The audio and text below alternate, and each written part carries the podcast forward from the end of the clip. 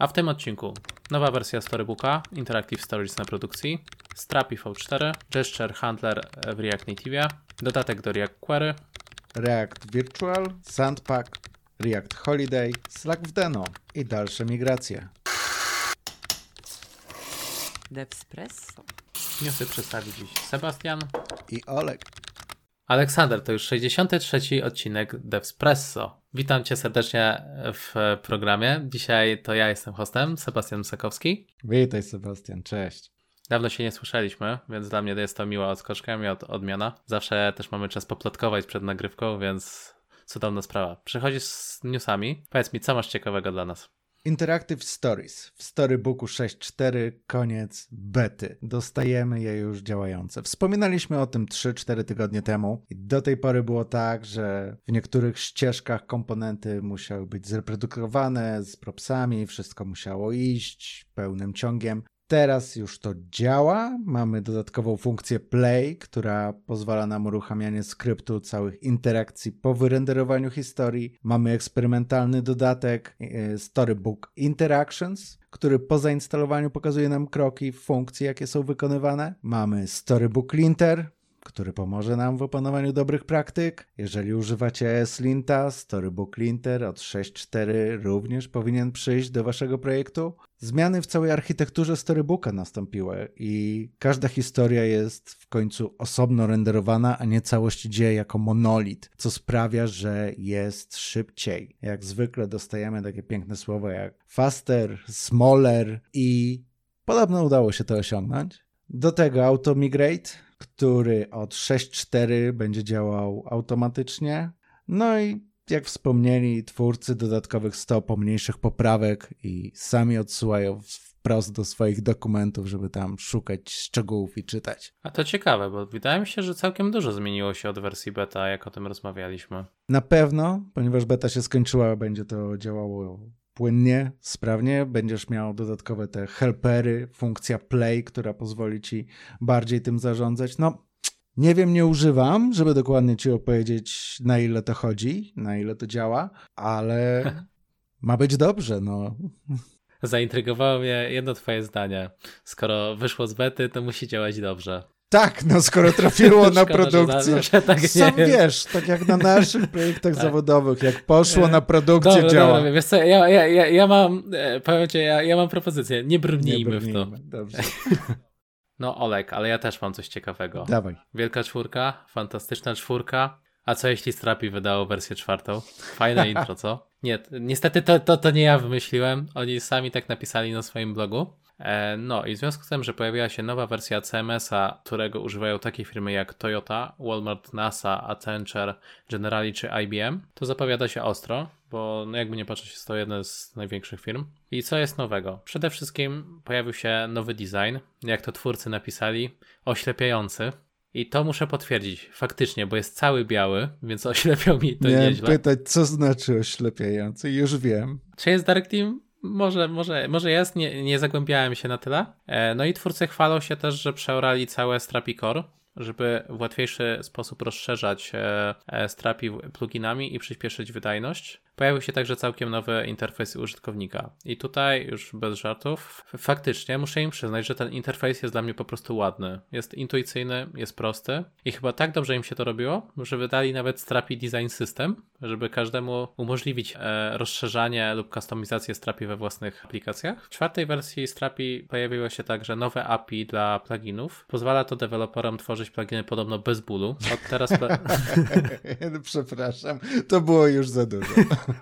Ja wiem, ale wiesz, to są te słowa, zdania klucz, które po prostu są z tego bloga i chciałem specjalnie to podkreślić. E, więc od teraz pluginy mogą mieć własną strukturę, a deweloper musi tylko zdefiniować dwa pliki w rucie. Strapi server dla serwera i Strapi admin dla panelu admina. Z tego co rozumiem, to po prostu w poprzednich wersjach e, Strapi wymuszało na tobie całą strukturę, więc mo może to dręczyło w jakiś sposób deweloperów i chcieli to w ten sposób aż podkreślić. Z kolei jeśli chodzi o performance, to twórcy usprawnili Database Query Engine. E, no i teraz można zaznaczać pola, relacje, które mają zostać załadowane z bazy danych, tworząc zaawansowane zapytania, filtrowania, sortowania. Dodatkowo dodali operatory OR, AND i NO, a to oznacza, że dostaniemy teraz tylko dane, które chcemy, a nie po studencku getall. Fajnie. Swoją drogą to ciekawe, że taki, że taki Get All e, w trzech wersjach aż e, funkcjonował i dopiero w czwartej e, zredukowali tak naprawdę to, bo to każdy z nas wie, że Get Allowanie potrafi naprawdę wygenerować całkiem spory ruch. Tak, tak, że robi to tłok i, i mocne zagęszczenie i kłopoty później z przebieraniem danych, ale fajnie, że, że zmieniło się to.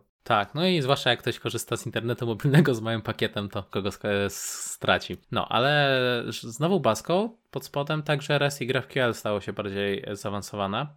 Mowa tutaj o możliwości paginowania i standaryzacji requestów i responsów. Więc no tutaj widać ewidentnie ruch w kierunku e, optymalizacji strapi. I zapytań całych. Dla no. mnie Shopoba. Tak. No i ważną zmianą w czwórce jest rozdzielenie także Content API i Admin API. I dzięki temu Content API może być teraz zarządzane e, używając API tokenów. I ostatni punkt. Trapi zajęło się standaryzacją kodów błędów. Dodali znaczenie dla każdego z nich. No to dla mnie super akurat bo różnie w różnych aplikacjach e, bywa no, Jak wiemy, błędy mało pomagają, to nawet przez Google później trzeba się długo przydzierać.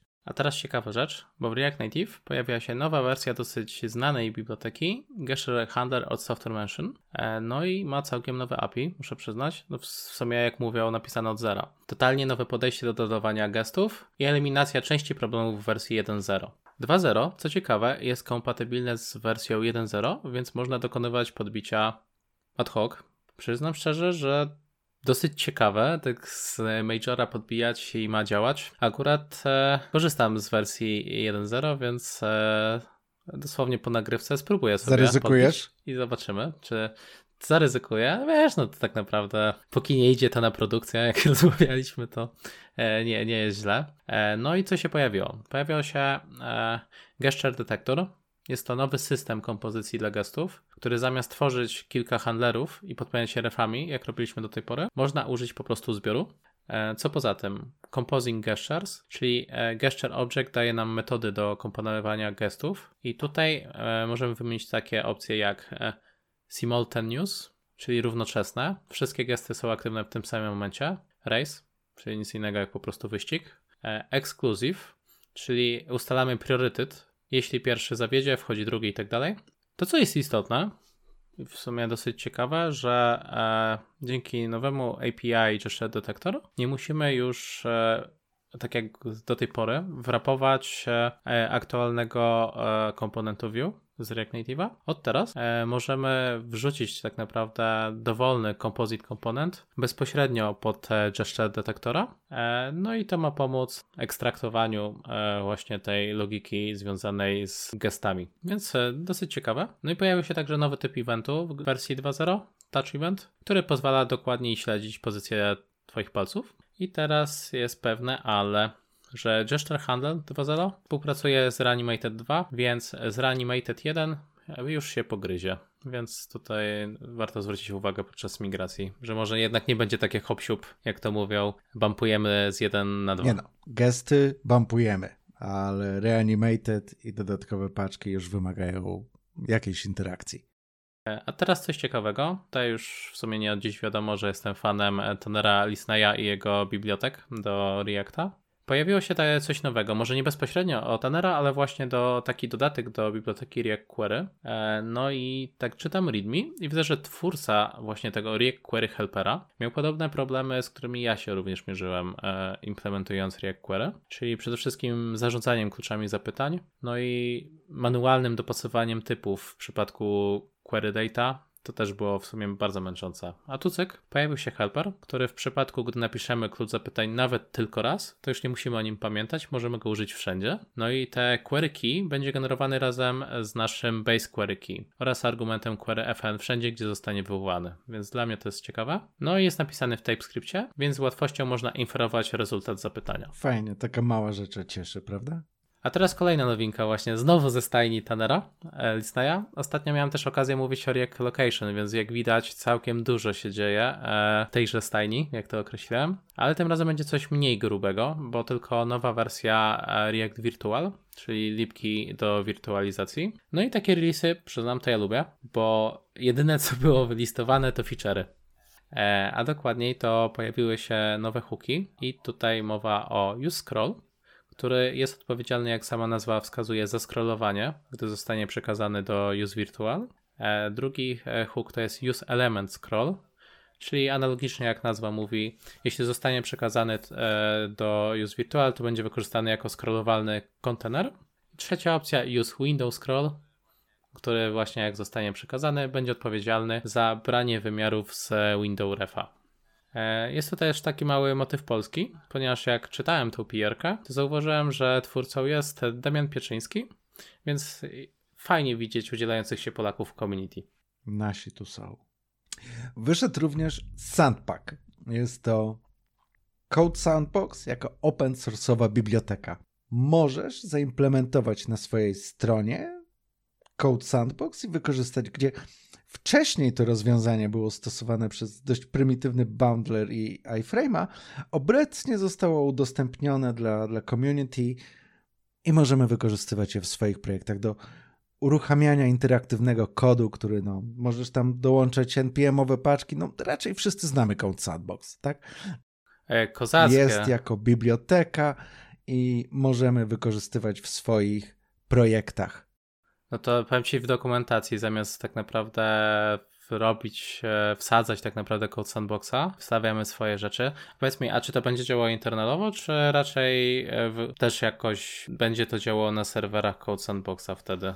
Eksportują dwie biblioteki i one montują ci Sandpacka i komunikują się ze sobą, tak? Code Sandbox is a wrapper library around Sandpack client that makes it possible to use Sandpack with React. Koniec. Dobra. Także wychodzi na to, że biblioteka daje ci możliwość korzystania z tego od początku, tak? Fajnie. Nie leci przez ich serwer. Ciekawe. Kolejna rzecz, którą mam, to jest React Holiday. I od 1 grudnia wystartował mailing akcji React Holiday. W jej ramach codziennie na maila dostaniecie krótką lekcję na temat frameworku. Może Was zaciekawi. Polecamy. Jeden mail więcej do przejrzenia. Mnie interesuje. No, to jak Ciebie interesuje, to chyba muszę się zapisać. Nie mam wyjścia. Wychodzę zawsze z założenia, że na podstawach najłatwiej jest się wyłożyć. Dlatego tak, zawsze, zawsze trzeba. Lubię, pilnuję. Spoko. To ja ci powiem taką ciekawostkę, że Slack ogłosił, że następna generacja ich platformy będzie już w Deno. Okej, okay. czyli przebudowują się. E, tak, no. Slack wybrał Deno ze względu na ich zasady, m.in. Secure by Default oraz świetną obsługę TS-a. No, powiem ci ciekawe, ciekawe, zwłaszcza, że jakoś do tej pory nie widziałem jakiegoś wybitnego ruchu w stronę Deno, a tutaj pyk. No, całkiem duży podmiot, znany podmiot przechodzi na Deno. Bardzo fajnie. No, wiemy, że Deno pod kątem architektury daje sporo potencjału i, i zmniejszenia całego naszego bundla, ale i wymaga dużo zmian no i jest najświeższe, najmniej znane, więc rzadko jeszcze dostajemy to na produkcję, żeby puszczać. Przynajmniej ja nie mam tego szczęścia. Nie wiem jak u ciebie. Mm, nie, powiem ci, że tak komercyjnie jeszcze nie, nawet w obrębie firm, w których pracowałem, jeszcze nie widziałem, żeby ktoś się w ogóle tym zajmował. No nawet dyskusji nie chce się podejmować. Dokładnie. Dodam tylko, że sam release ma się pojawić w przeciągu kilku miesięcy, więc keep calm i czekamy. Czekamy, popatrzymy, poobserwujemy, co dalej się wydarzy. Fajnie, ale fajnie. A teraz ciekawostka. Koniec roku, wiadomo, jest to seria migracji z firmy do firmy, ale że jest zmiana w korowym teamie Angulara, to można powiedzieć, że jest całkiem grubo, bo po 12 latach odchodzi lider i w sumie fundament Angulara, czyli Igor Minar. 12 lat w jednym miejscu. Wow. O, wow, dokładnie, to jest całkiem grube. Zwłaszcza jak spojrzymy na te memy, gdzie masz programistę podpisanego jako dwulatka w projekcie i obrazek dziadka, nie? Więc tak, szapoba. Tak. Z drugiej strony, no co tu dużo mówić. Angular zmieniał się przez lata i to podobno skrajnie. Ciężko mi się wypowiadać jak bardzo nawet, bo no, moja przygoda z Angularem nawet się nigdy nie zaczęła, e, ale z, z kim nie rozmawiam, to zawsze wspominali jakąś wersję przed i po, więc e, zakładam, że było całkiem grubo. Tak, te zmiany były gigantyczne. No, e, wiesz, skoro nie współpracowałeś z Angularem, to sam widzisz, ile w Reakcie się zmienia, tak? Sama zmiana, która nastąpiła między klasowym a funkcjonalnym podejściem, która przekłada się na cały ekosystem JavaScriptu i podejścia do pisania. Tak, funkcje hooki tak, zrobiły całkiem sporo e, zmian i też jakby nie patrzeć, mocno zaafektowały też na inne biblioteki, bo one też e, zajęły się podejściem funkcyjnym często nawet są niekompatybilne już z klasami, więc fakt. E, dodam tylko, że na blogu Angulara bo tam właśnie e, Igor napisał swojego posta. Opisuje swoje refleksje oraz historię projektu, więc jest to co dosyć ciekawa lektura. Jeśli ktoś jest zainteresowany, to za właśnie zapraszam w to miejsce. Niestety nie udało mi się znaleźć informacji, e, czym teraz będzie się zajmował e, Igor, bo wpis jest stosunkowo świeży. Starałem się trochę posorsować w necie, ale niestety bez skutku.